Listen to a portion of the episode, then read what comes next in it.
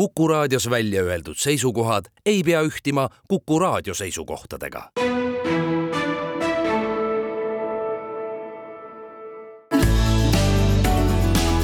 keskpäevatund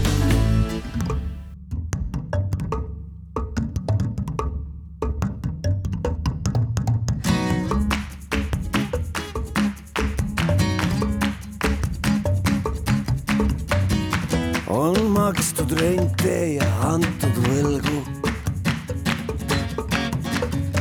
on makstud protsente tasa ja targu. on üüritud, laenatud, makstud makse. kõik lõigatud, mulle tagasi andke.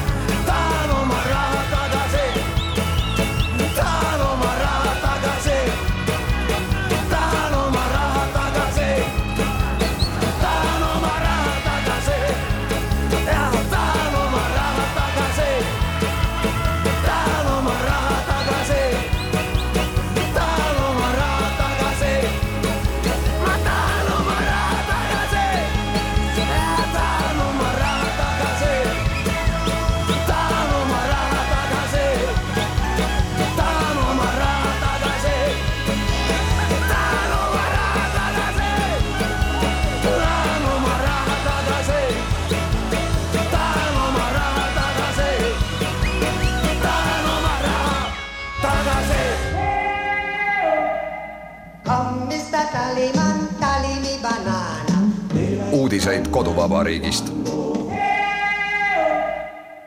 tere! keskpäevatunni stuudiost ütlevad teile tere Ignar Fjuk, Marek Strandberg ja Ainar Ruussaar. teater No üheksakümmend üheksa kutsus enam kui kümme aastat tagasi kokku ühtse Eesti suurkogu ja küsis, kus on minu raha.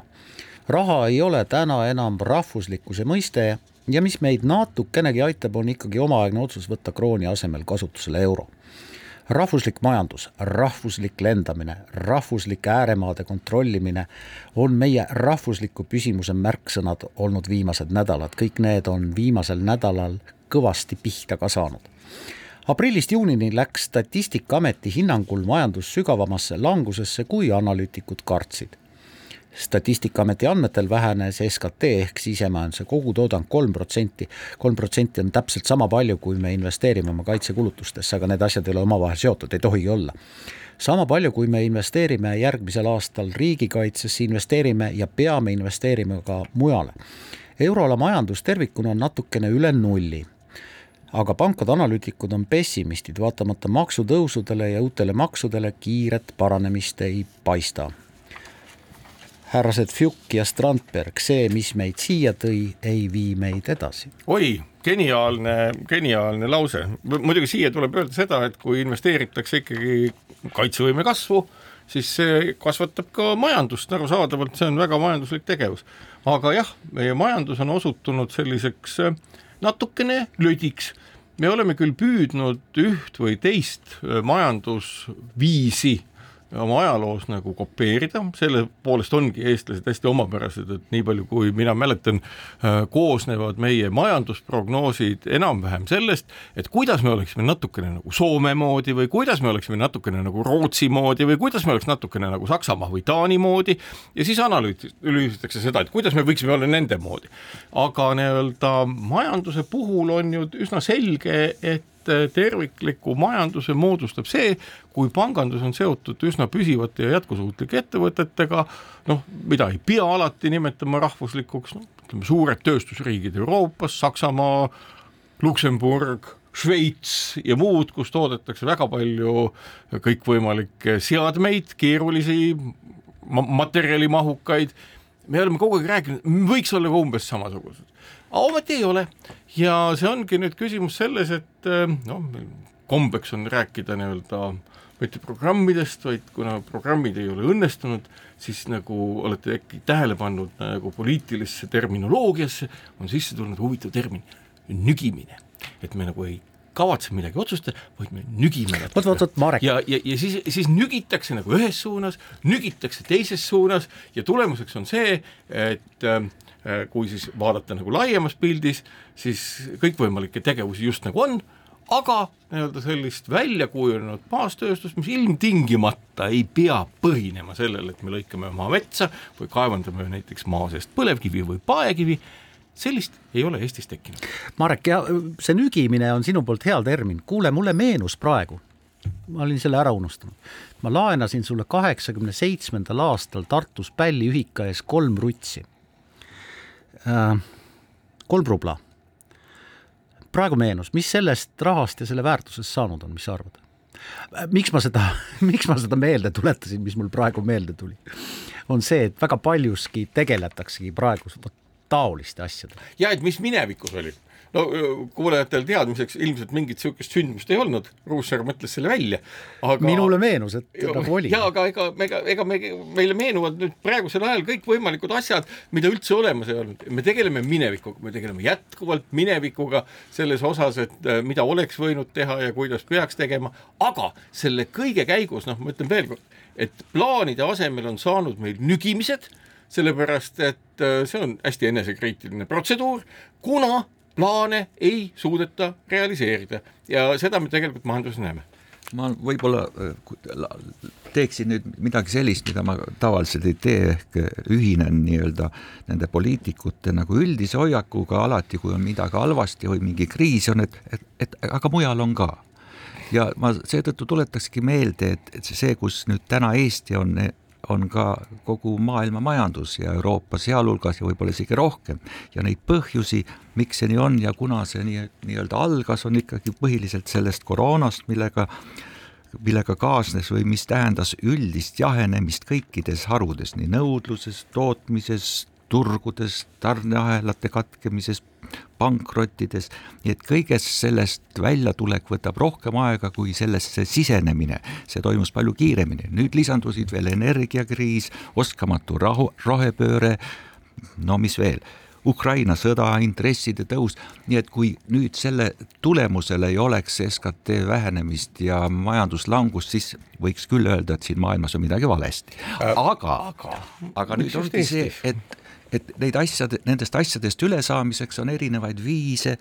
Ja kui on juttu demokraatliku riigiga ja kui sellel on demokraatlikult valitud valitsus, siis see, see valitsus ja valitsusjuht võiks sisada, sisendada ühiskonnale optimismi ja teha ka teatud otsuseid, mis nii-öelda üldisest nii-öelda õigeks peetavast erinevad, näiteks tänane Suurbritannia peaminister Sunak suurendab naftatootmist Põhjamerel, muidugi see sinule, Marek, ei meeldi, aga ta põhjendab seda sellega, et, et ka sellest nii-öelda süsinikneutraalsuseni jõudmiseni ei ole nii-öelda otsetee või, või silmaklappidega tee, vaid see peabki sisaldama erinevaid komponente, et britid ei jääks julgeolekust nagu mingisse vaakumisse. Loomulikult, täna- ja, ja oota, oota nüüd. Ja, ja, ja, ja seetõttu nüüd ongi see, et ka meie eeldaksime, et Eestil oleks valitsus ja peaminister, kes nagu saab aru, et on kriis ja tegutseb vastavalt sellele, aga me teame seda, et selle valitsuse juhi motoks on või kehva valitsemise õigustus on, et kui nüüd vaid neid kriise ei oleks, küll ma siis valitseks. ja see ei, ei paku ühiskonnale nii-öelda mingisugust nagu teed, kuidas sellest välja tulla. Ja me, riik, kus me nagu oleme sellest nii-öelda Euroopa Liidu kaguservas, nurgas, piiririigina, meil on vaja väga nii-öelda kiiret reageerivat valitsemist, me ei saa olla lihtsalt nii-öelda mingisugune noh, nagu konnatiik, kus käib mingi vaikeelu, isegi seda nügimist saame ei, ole, aga ei peaks. isegi no. seda nügimist ei ole nojah, eks siin ju otsuseid ole tehtud, millest äh, kõik on palju rääkinud ja meie siin ka, noh, maksutõusud ja uued maksud ja nii edasi, aga natuke numbreid veel juurde, mis on üsna lihtsad. Lätis vähenes kvartali võrdluses majandus null koma kuus protsenti, Leedus suurenes null koma üheksa protsenti.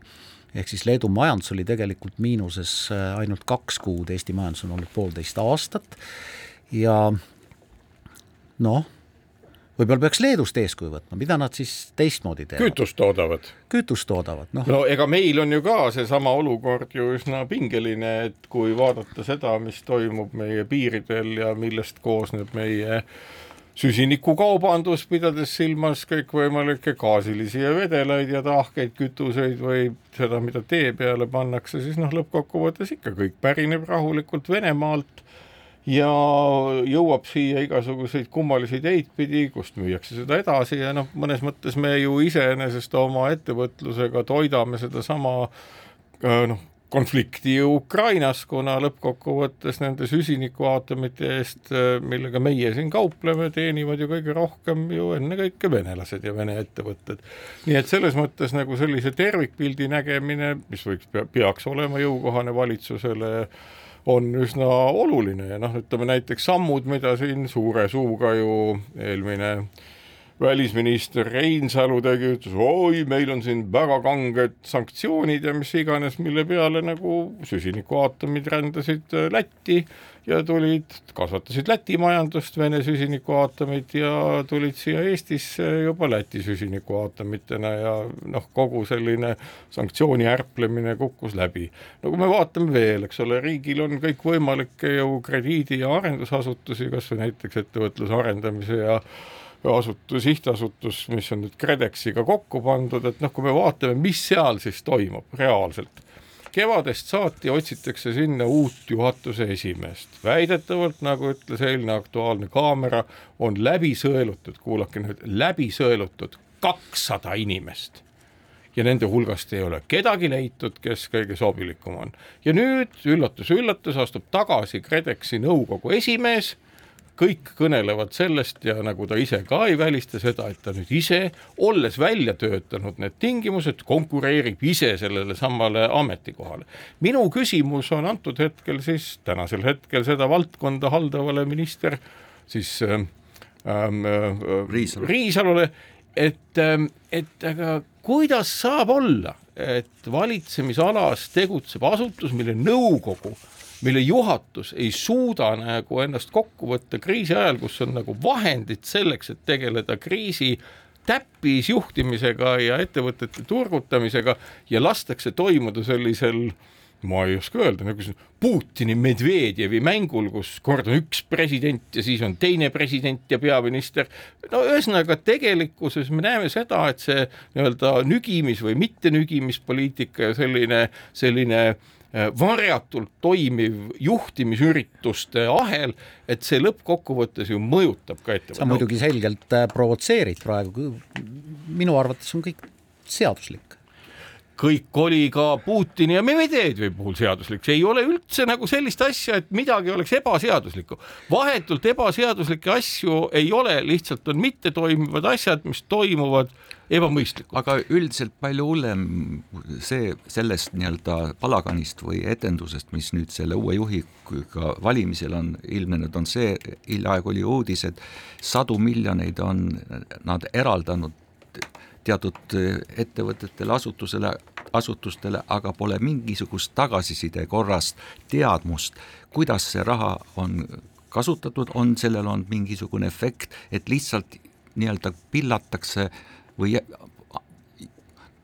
tuisatakse raha tuulde. seda ja, on ka, ma ütlen on... vahele, Riigikontroll on korduvalt seda vaadelnud ja avastanud tõsiasja. aga, aga et... see komme, kuidas nüüd valitakse neid nii-öelda juhte, selleks tavaliselt palgatakse konsultatsioonifirma. oi, neid on palgatud palju. ja et see näiks, et kõik on väga aus ja kõik on läbi, läbipaistev, aga lõpuks läheb see ikkagi nii-öelda see lõppotsuse tegemine kuskilt ühe või kahe inimese laua pealt läbi ja juhtub nii, nagu kunagi kirjutas sellest Hoidsalu sel ajal, kui jutt oli sellest, kuidas Mikk Marran äh, Välisluureameti kohalt lahkunud, kohe sattus RKM-i juhiks, et see ongi nüüd mingisugune ametnike suletud ring, kes omavahel jagavad ametikohti ja, ja seetõttu pole üldse ime, et tänane nõukogu esimees satub ka sinna juhatajaks. nojah, tuletan teile meelde, et meil on väike riik ja ega meil ülemäära palju spetsialiste ei ole, aga no kakssada leiti, eh, kes soovisid ja kujutate ette, kujutate ette ameti, kakssada tippjuhti konkureerivad. aga mul tuleb, vaata, sa, sa rõhud arvule kakssada, aga tegelikult me ei tea, kui palju sellest kahesajast oleks tegelikult kvalifitseerunud, aga see sinu poolt viidatud asi on kindlasti selline, mis, mis äratab tähelepanu. Ja ja, ja kusjuures mul jäi sellest äh, uudisest meelde selline lõik, et keegi ametnik siis äh, vastas, et oli väga palju häid kandidaate ja nad oleks kindlasti ka sobinud, aga meie poolt pakutud palganumber ei olnud neile vastu võetud. ma nüüd tahaks teada, mis palganumber välja pakuti ja mis hakkab saama palganumbriks sellele inimesele, kes siis nüüd ikkagi selle ametikoha saab. no vot, seal ongi selline hiiliv tegevus ehk et nagu see lavastus, mida me näeme üldse enda ümber väga palju lavastusi, ilmselt me jõuame täna käsitleda ka lavastust, mille nimi on Nordica ja lendamine Eestis ja neid lavastusi on meie ümber väga palju, millel on selline nagu justkui mingi näitejuht kutsub nad kokku ja räägib, et kuidas siis esineda ja ma arvan, arvan, et see palganumber tõusebki just nimelt selle lavastuse tõttu, mida me siis nagu sellisel moel nägime eile ka Aktuaalses Kaameras ja kus iganes, aga tulen siia juurde veel kord, mida vahel tahtsin öelda, Riigikontroll on korduvalt tähelepanu juhtinud ühele tõsiasjale ja sellele, et Ettevõtluse Arendamise Sihtasutuse poolt tehtud toetused on kasvatanud Eesti majandust nende toetuste võrra või sedagi. ja, ja, ja, ja see tähendabki seda, et mingi asi on pikas äh, ajaloos juba olnud seal paigast ära, mingisuguseid muutusi peaks tegema ja peaks esile kutsuma, aga kogu aeg komistatakse mingisuguse häda otsa ja siin ongi nagu see küsimus, et kui organisatsioon on niivõrd läbi põimunud ja läbi kasvanud ühiskonna noh, nii-öelda ametnike erinevate struktuuride ja ametite erinevate struktuuridega, et mida siis peale hakata, et sellest rahast, mida neile eraldatakse, ka päris kasu tõuseks. jaa, aga Riigikontrolli audititega peab tegelema, Riigikontroll on, on iseseisev organisatsioon, ta ei allu ühelegi ministeeriumile. riigikontrolli auditite tulemustega peab tegelema parlament ja parlamendikomisjonid. ehk siis see on parlamendi äh, parlamendi töö täiesti õigesti, aga mulle ka tundub, kui sa viitasid näitemängudele, mulle tundub, et aeg-ajalt nagu äh, ilmselt meelega püütakse tähelepanu juhtida kõrvale meie tegelikelt probleemidelt, ehk siis sellelt tegelikult majanduslikus noh, kaos on vale sõna, aga majanduslikust langusest. noh, ka võtame kas või selle presidendi ja poliitikute vaidluse, mis nüüd on päevaga, päevakajale tõusnud.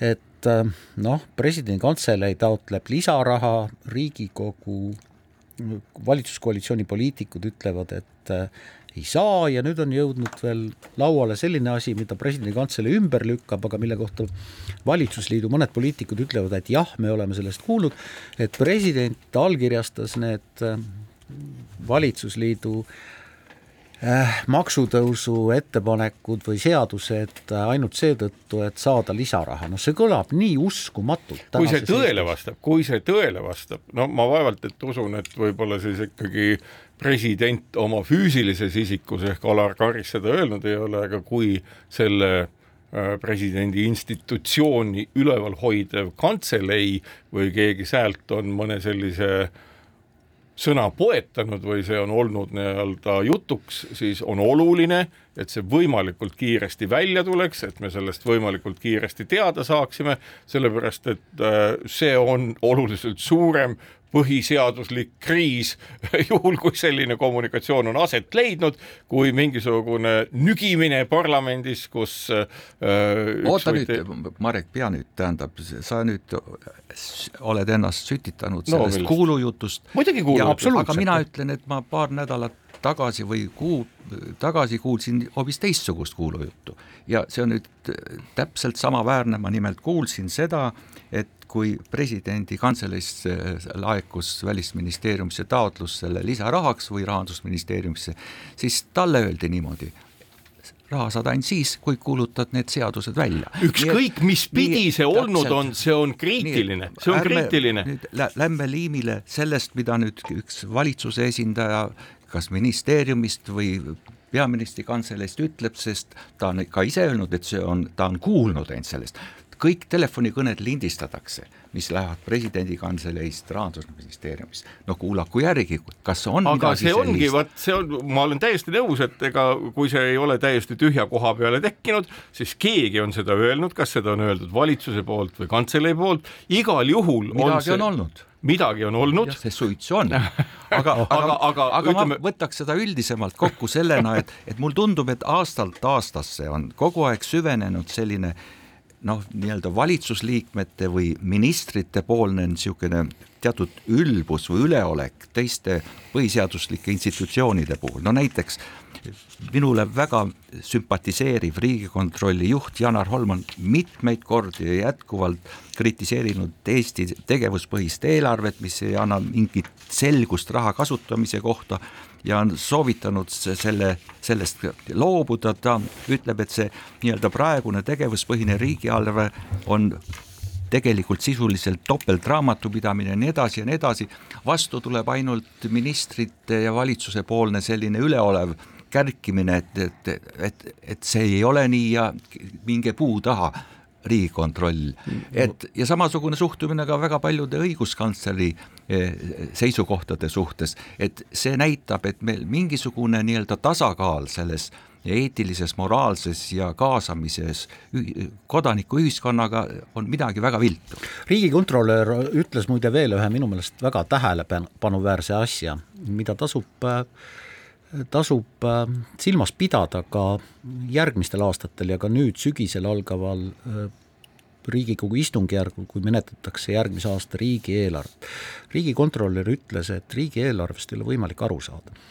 seda on öelnud väga paljud poliitikud ja mina pean tunnistama, et mina ka ei saa aru. no mina ma pean kinnitama riigi... et ka mina ei saa aru. seda, aga, aga tegelikult on, on selles mõttes midagi valesti, et riigi eelarve peaks olema selline dokument, mida meie kõik suudaksime tegelikult lugeda ja sellest aru saada. seda me ühe korra oleme siin ka käsitlenud, aga võib lõpmatult käsitleda, ehk et minu väide, julgen öelda, on see, et riigieelarvet hoitaksegi sellisena, et paljude asjade otsused ja selle tagamaad ei tuleks nii ruttu välja, et läheks ennem aega, et maksed jõutakse ära teha ja tänasel hetkel ju ei ole mitte mingit infotehnoloogilist probleemi sellega, et luua äh, veebisait, kus iga makse tulevikku suunatult on kaetud kas otsuse või seaduse pügalaga, kus igal inimesel on võimalik seda lugeda ja see, et seda sündinud ei ole, on tahtmatuse küsimus. ehk et tahetakse teha seda, et ei oleks võimalik selgeks saada, mis toimub, mingit sisulist infotehnoloogilist või matemaatilist probleemi riigieelarve selgeks tegemisega ei ole lisaks veel sellele, mida ma eelpool mainisin, et see nii-öelda poliitikute ülbus või vastutamatus on noh, kasvanud üle igasuguse piiri, siis mul on selle kõrvale ka üks hea uudis.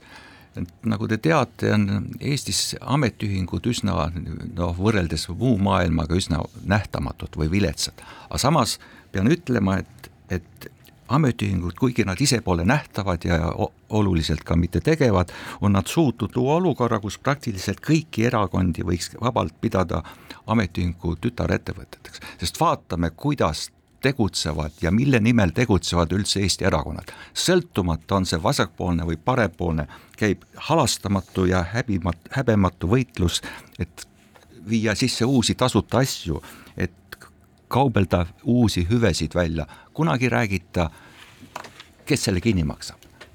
selles mõttes unikaalne riik. keskpäevatund Marek Strandberg, Ignar Fjuk ja Ainar Ruussaar jätkamas Keskpäevatundi ja kohe äh, lähme lendu ka, aga analüütikud toovad meie majanduslanguse põhjustena välja ühe asja, millest mina päris hästi aru ei saa, aga teie olete siin targemad mehed olnud, mõlemad eraettevõtjad, mina ei ole olnud, ei ole julgenud ilmselt. ja nemad toovad välja selle, et meil on väike tarbimine. pagan, väike tarbimine oli meil ka buumi ajal kaks tuhat kuus, kaks tuhat seitse, siis sellele järgneva languse ajal ja siis oli Eesti rahvaarv praegusega võrreldes väiksem ning tegelikult siis ka maksumaksjaid oli vähem, aga meil on väike tarbimine no selle analüüsiga muidugi pannakse üsna selgelt puusse selles osas, et eh, meil on no kaks nagu väga olulist asja majanduses, üks asi on siis nii-öelda kõikvõimalik kapital, mis midagi toodab ja teine asi on siis finantsid. Ja me oleme aru saanud ühest, millest on aru saanud ka keskpangad, et majandust paika panna oludes, kus inflatsiooniprotsessid on kiired ei olegi väga lihtne. Ja inflatsiooni nagu ka majanduskasvu tuleb rööbiti ohjata. ja väike tarbimine ongi just tarbimise vähenemine, ongi just nagu siseriiklik tarbimise vähenemine ongi ju see, mida püüavad pangad saavutada oma intresside kasvuga, et inimesed tarbiksid vähem, et nii-öelda materjale kasutatakse efektiivsemalt, et tööviljakus oleks suurem, kuna mitte mingit muud moodi seda signaali inimestele viia ei saa ja lahendus majanduskriiside puhul on ikkagi üks ja ainus, see on ekspordivõime kasvatamine. ja selles osas no nii-öelda öelda, et kõik on valesti, et me tarbime vähe, et kui me rohkem tarbiksime, loomulikult ühel või teisel ettevõttel, kes sisetarbimisele on orienteeritud, hakkaks siis parem.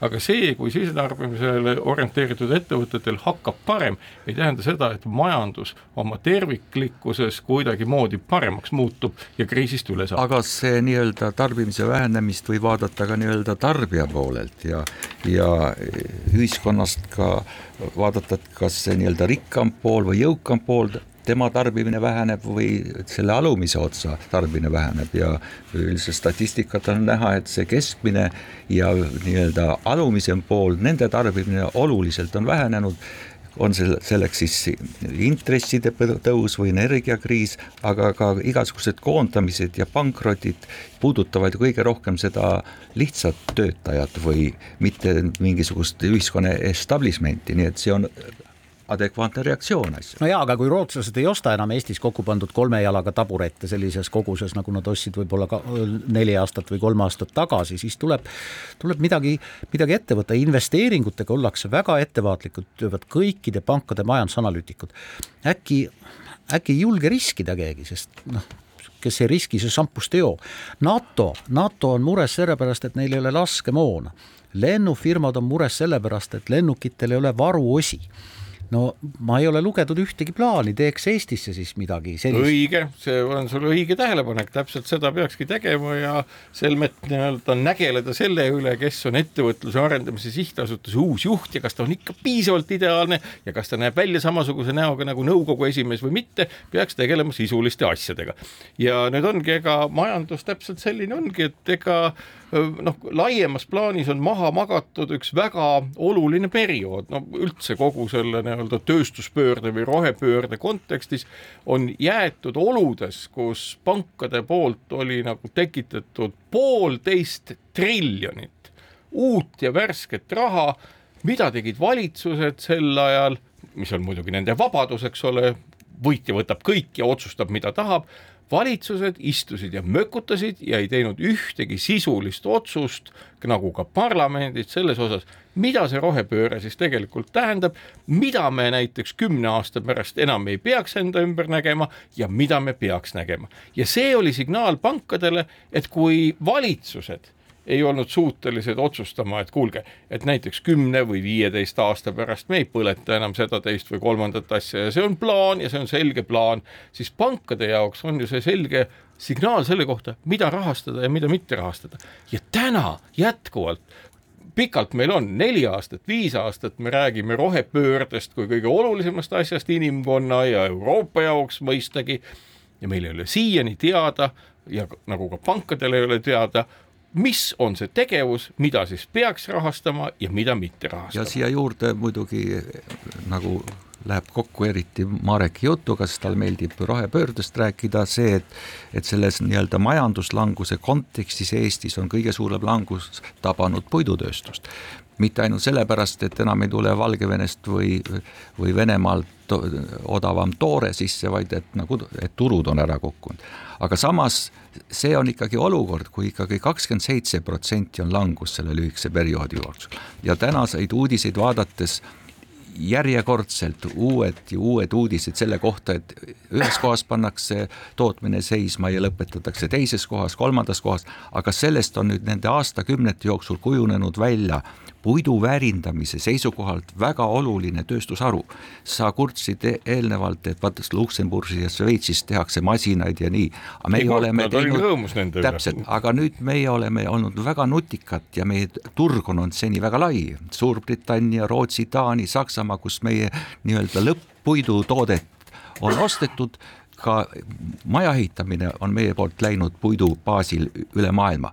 Aga nüüd lihtsalt see suretatakse välja ja ma mitte ei tahaks, et see oleks nüüd niimoodi silmaklappidega rohepöörde kontekstis, kas, sest ka seda saab võtta teisiti, no paneme pelletite tootmisele piiri, aga No- no, jätame mingisuguse nii-öelda elu sisse selle puidu no töötlemisele. vot Ignar, see väljasuretamine on, on selline lemmiktermin, et väga palju räägitakse väljasuretamisest ka Nordic Aviation Groupi puhul, ehk siis millegipärast nimetatakse seda rahvuslikuks lennukompaniiks, ma ei tea küll, mis mõistes on ta rahvuslik lennukompanii, kui temaga Tallinnast sisuliselt mitte kuhugi lennata ei saa, aga fakt on see, et Nordic Aviation Grupi kahjum ulatus miljonitesse, aga lennundusäri ongi selline, et täna läheb paremini, homme võib minna halvemini. igatahes on rahvuslik lennukompanii Nordica jõudnud olukorda, kus täiesti reaalne on selle müümine, selle äramüümine ja ma ei näe siin ka tegelikult erilist probleemi, juhul kui selle müügist saadav tulu Eesti riigile on piisav. No tänane olukord, kuhu Nordicaga oleme jõudnud, see on omaette pikk lugu kunagisest Estonian Airist. Toonase Palmeeri juhtimisel sai uus firma Nordica, keda taas juhtis Palmeer, juhi, juhtis nüüd viimase hetkeni. Ja need viimased juhtumid, mis on seotud erakorralise kahjumiga ja, ja sellega, et, et nõukogu nüüd kuidagi mingisugusel kummalisel viisil äh, algatas äh, kutsudes sinna mingi konsultatsioonifirma, kes on partner nõukogu liikmele Nordicas väga suure raha eest, et see kõik lõhnab selle järgi, et oligi eesmärk või on olnud eesmärk viia see ettevõte sellisesse nii-öelda, sellisesse seisusesse, et teda oleks võimalik osta üsna soodsalt või võileiva hinna eest. vaata, no tegelikult lennunduses on ikka väga vägev konkurents ja, ja miks äh, nii hingusele läinud Estonian Air kui ka Nordica ei suutnud tegelikult siit äh, kodusadamast äh, väga palju enam lende teha ja pidi otsima uusi ärimudeleid, oli see, et siia tulid noh, väga paljud või vägevamad ja võimsamad, noh, Poola LOT lendab siit, Air Baltic, mis on ka kahjumis ja mis ei ole selles mõttes rahvuslik lennukompanii, vaid ta on erakapitalil ja riigi osalusega ettevõte, lendab ikka mürinal peaaegu poolde, poolde maailma. ja, ja noh, selliseid lennukompaniisid ongi teisigi, et Nordica pidigi leidma tegelikult endale niši ja nagu ma aru saan, see nišš, mille ta leidis äh,, ei olnud äh, ju, ju kahjumlik väga pikki aastaid. No Nordicaga on ju üldse niimoodi, et eks ta ole nagu väga vägivaldselt üleval peetud ja see nii-öelda etendus, mida meil on nähtud, seda võrdles väga hästi selle nädala Postimehe kommentaaris Krister Kivi, kui lõputu ballettide või lõputu Luikede järve balleti etendusega, kus kogu aeg tulevad uued tegelased ja ses mõttes ju on, on seesama Jan Palmeergi, eks ole, pikalt rääkinud sellest, kuidas ainult nii saab ja ainult naa saab ja nüüd uudisest on lugeda ka täna, et eile juba õigemini, et äh, härra on näiteks ühe lennuliini, mis on kasumlik olnud, oma ühele eraettevõttele hankinud, nii et nagu see, see, äh, mis oli varem nagu Nordicaga seotud ja kogu see pilt on seal üsna segane, ehk et äh, see meenutab minule juba pikemat aega niisugust Kelmi komöödiat, kus nagu on kokku lepitud see, et kuidas siis kellegi käest raha ära võetakse. No jaa, aga tegemist jah, maailma mõistes on tegemist küll väikese lennukompaniiga, aga aga noh, Nordica on siiski ettevõte, kellel on praegu kehtivad lepingud äh, kahe tuhande kahekümne seitsmenda aastani. ettevõttel on üle kahekümne lennuki, nii et ega ta nüüd äh, nii väike ettevõte ka ei ole. ja ma ei tea, võib-olla sa teed Jan Palmeerile, Marek, siiski natukene liiga, et ta on, ta on ikkagi väga pikka aega juhtinud Eesti lennundust tema kas oli see, kas tema- me näeme tegelikult selle juhtimise käigus mingit edu, et tegelikult ei näe, me näeme kadu, me näeme seda, et riik, maksumaksja on kogu aeg juurde maksnud, me ei näe lennunduse edu. Jah, aga kui me räägime, et tegemist on riikliku lennukompaniiga, siis on äh, lisaks Jan Palmeerile ka veel teisi, kes on üle tema pea tegelikult vastutavad ja otsustavad. Ainar, vot see mulle hästi meeldib, sest meil on Eestis üldse kombeks see, et, et ametnikud on süüdi mõni saade tagasi oli ka selles saates juttu, ma juhtusin teid kuulama sellest, kuidas eh, ametnikud justiitsministeeriumis ja rahandusministeeriumis eh, nii-öelda poogivad igasuguste eurodirektiividele, mida on vaja siin vastu võtta, nii-öelda täiendavalt midagi juurde ja vot nemad on kõiges süüdi. ma tuletan meelde, et ükski eelnõu, millest peaks saama seadus, ei satu ei valitsusse ega Riigikokku ametniku poolt, vaid selle kannab ette ja õigustab ja, ja kaitseb minister ja kui see ei peaks olema seadus, mis sellest saab, vaid määrus, siis selle allkirjastab minister, see on poliitik. ja antud juhul ka Palmeer on ametisse pandud nõukogu poolt, nõukogu paneb ametisse üldkoosolek ehk minister ja see, et, et nõukogu ja minister on talunud seda, et juht, kes on, on ta Palmeer, on ta siis hea või halb, aga tal on nii Eestis kui Rootsis sama valdkonna ettevõtteid ja firmasid, kuhu aeg-ajalt kanditakse mõni Nordica öö, tulusliin või vara, tähendab, ühes demokraatlikus riigis see peaks olema vastuvõetamatu. kuidas see on võimalik, selline nii-öelda topelttegutsemine samal huvide konflikti valdkonnas? ma mõtlen praegu ühe lihtsa asja peale, et tänasel hetkel me teame seda, et minister Kristen Michal on algatanud sisemise juurdluse. Kui tegelikkuses kõik need äh, igasugused ebakõlad ja muud asjad, mis mingi pilgu alt paistavad võib-olla natukene isegi kriminaalsetena, seda hakatakse uurima nendesamade inimeste poolt, kes selle kõik on tekitanud, siis mingit lootust ju ei ole. ehk et eh, ma väga ei kujuta ette, et kui nii-öelda põhimõtteliselt on ju mm, Nordica poole aastaga, isegi lühema ajaga, mööda arvutanud neliteist miljonit eurot, mööda arvutanud. lootusest saada seitse miljonit kasumit, on saanud seitse miljonit kahjumit. sellele lisaks on nõukogu liige oma ettevõttega asunud konsulteerima Nordicat see on partner, mitte Ja, ja. ettevõte ise, selle nõukogu liikme partner, ja no just, et no jah, seesama partner. see, see on tegelikult seesama praktiliselt.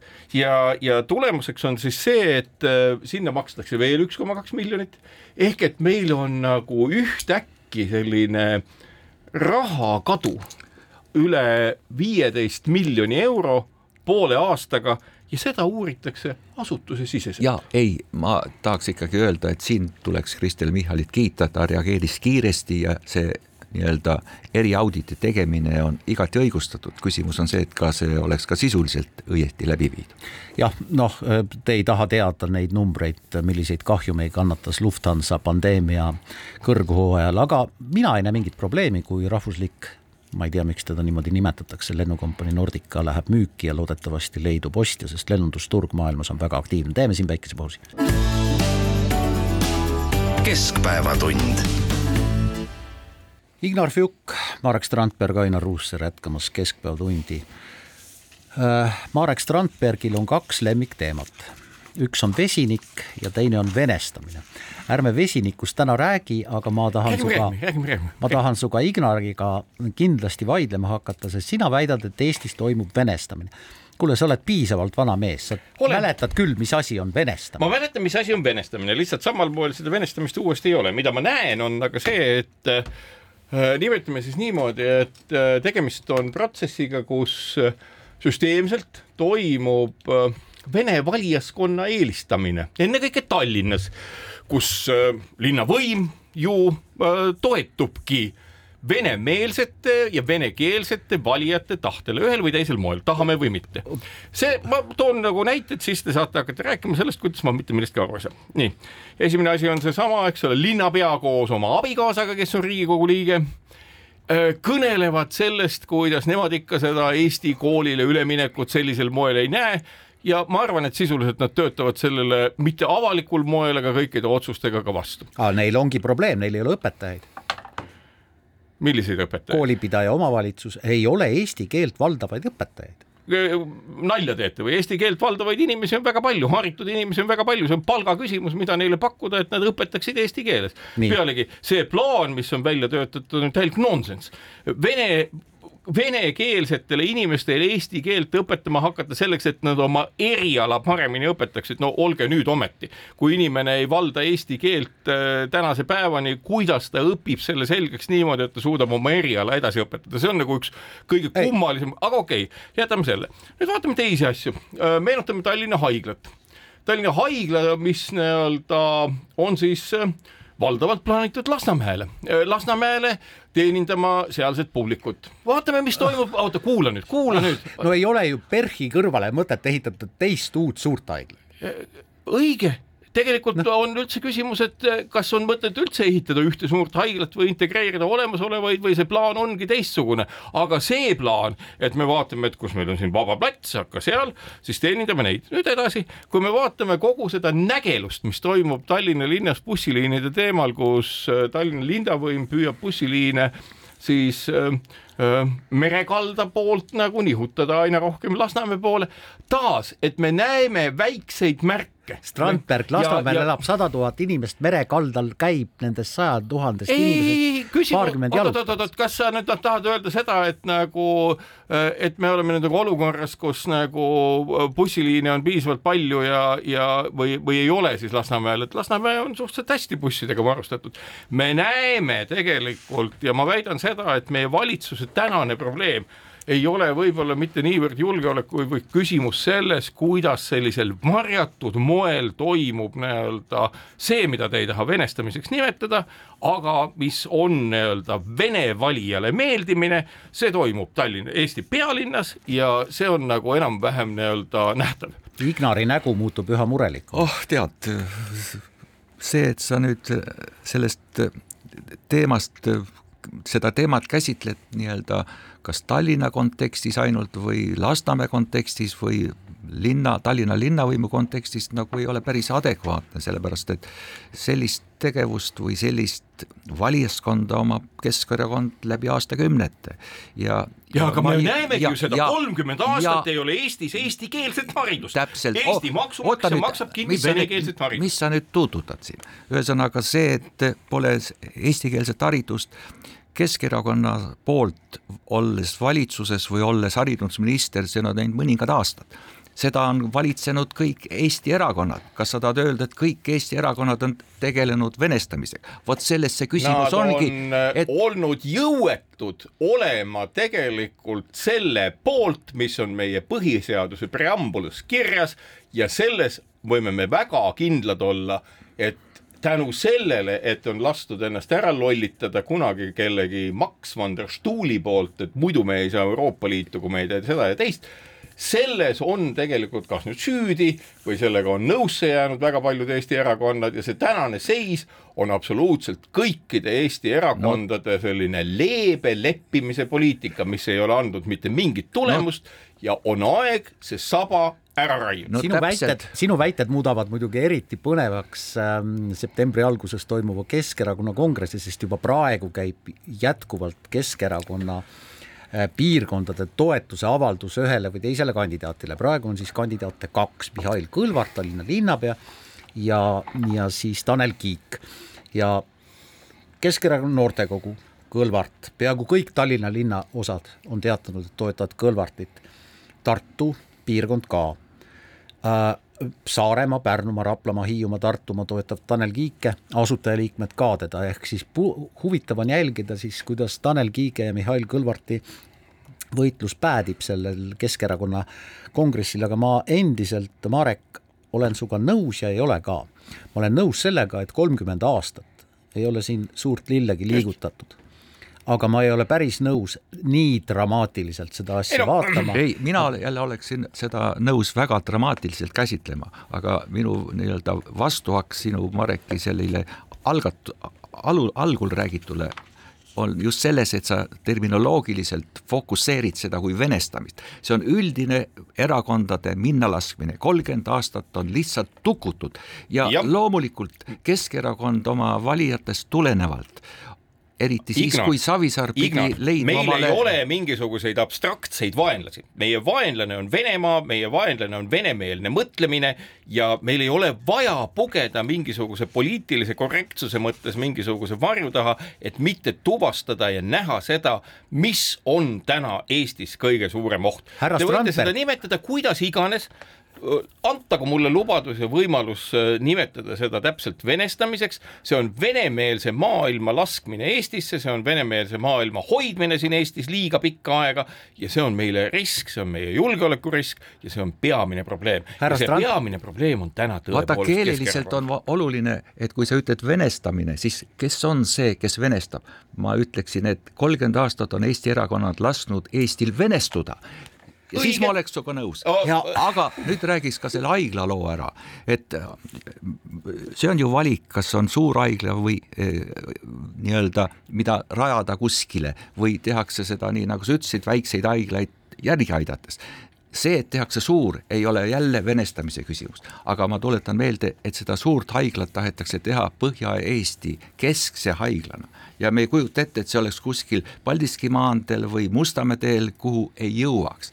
nii et sellepärast on ta seal, aga ma ka ei toeta seda mõtet, et oleks vaja ühte sellist suurt haiglat. Põhja-Eesti haigla, kus põhiliselt käivad ju arusaadavalt Harjumaa ja Tallinna inimesed, Harjumaa, mis on nagu pikalt äh, pigem nii-öelda lääne poole kui ida poole see, see, see on, see on üks pikk teema, mille juurde me tuleme ilmselt tulevikus ka tagasi. ilmselt tuleme ja noh, ma siiski ütleksin, et vähemalt on üritatud mingisuguseid samme astuda, olgu see siis äh, valitsuse eriesindaja Ida-Virumaal, kelle tegevuse tulemusi ma tahaksin näha ja siin saates koos teiega rääkida ka aasta pärast ja eestikeelne haridus või sellele üleminek, mille puhul ma hoian mõlemaid pöidlad pihus ja loodan, et see kõik niimoodi toimub, aga nagu ütles Unistuste bänd kaks tuhat kolmteist, tahan oma raha tagasi. aitäh, et kuulasite.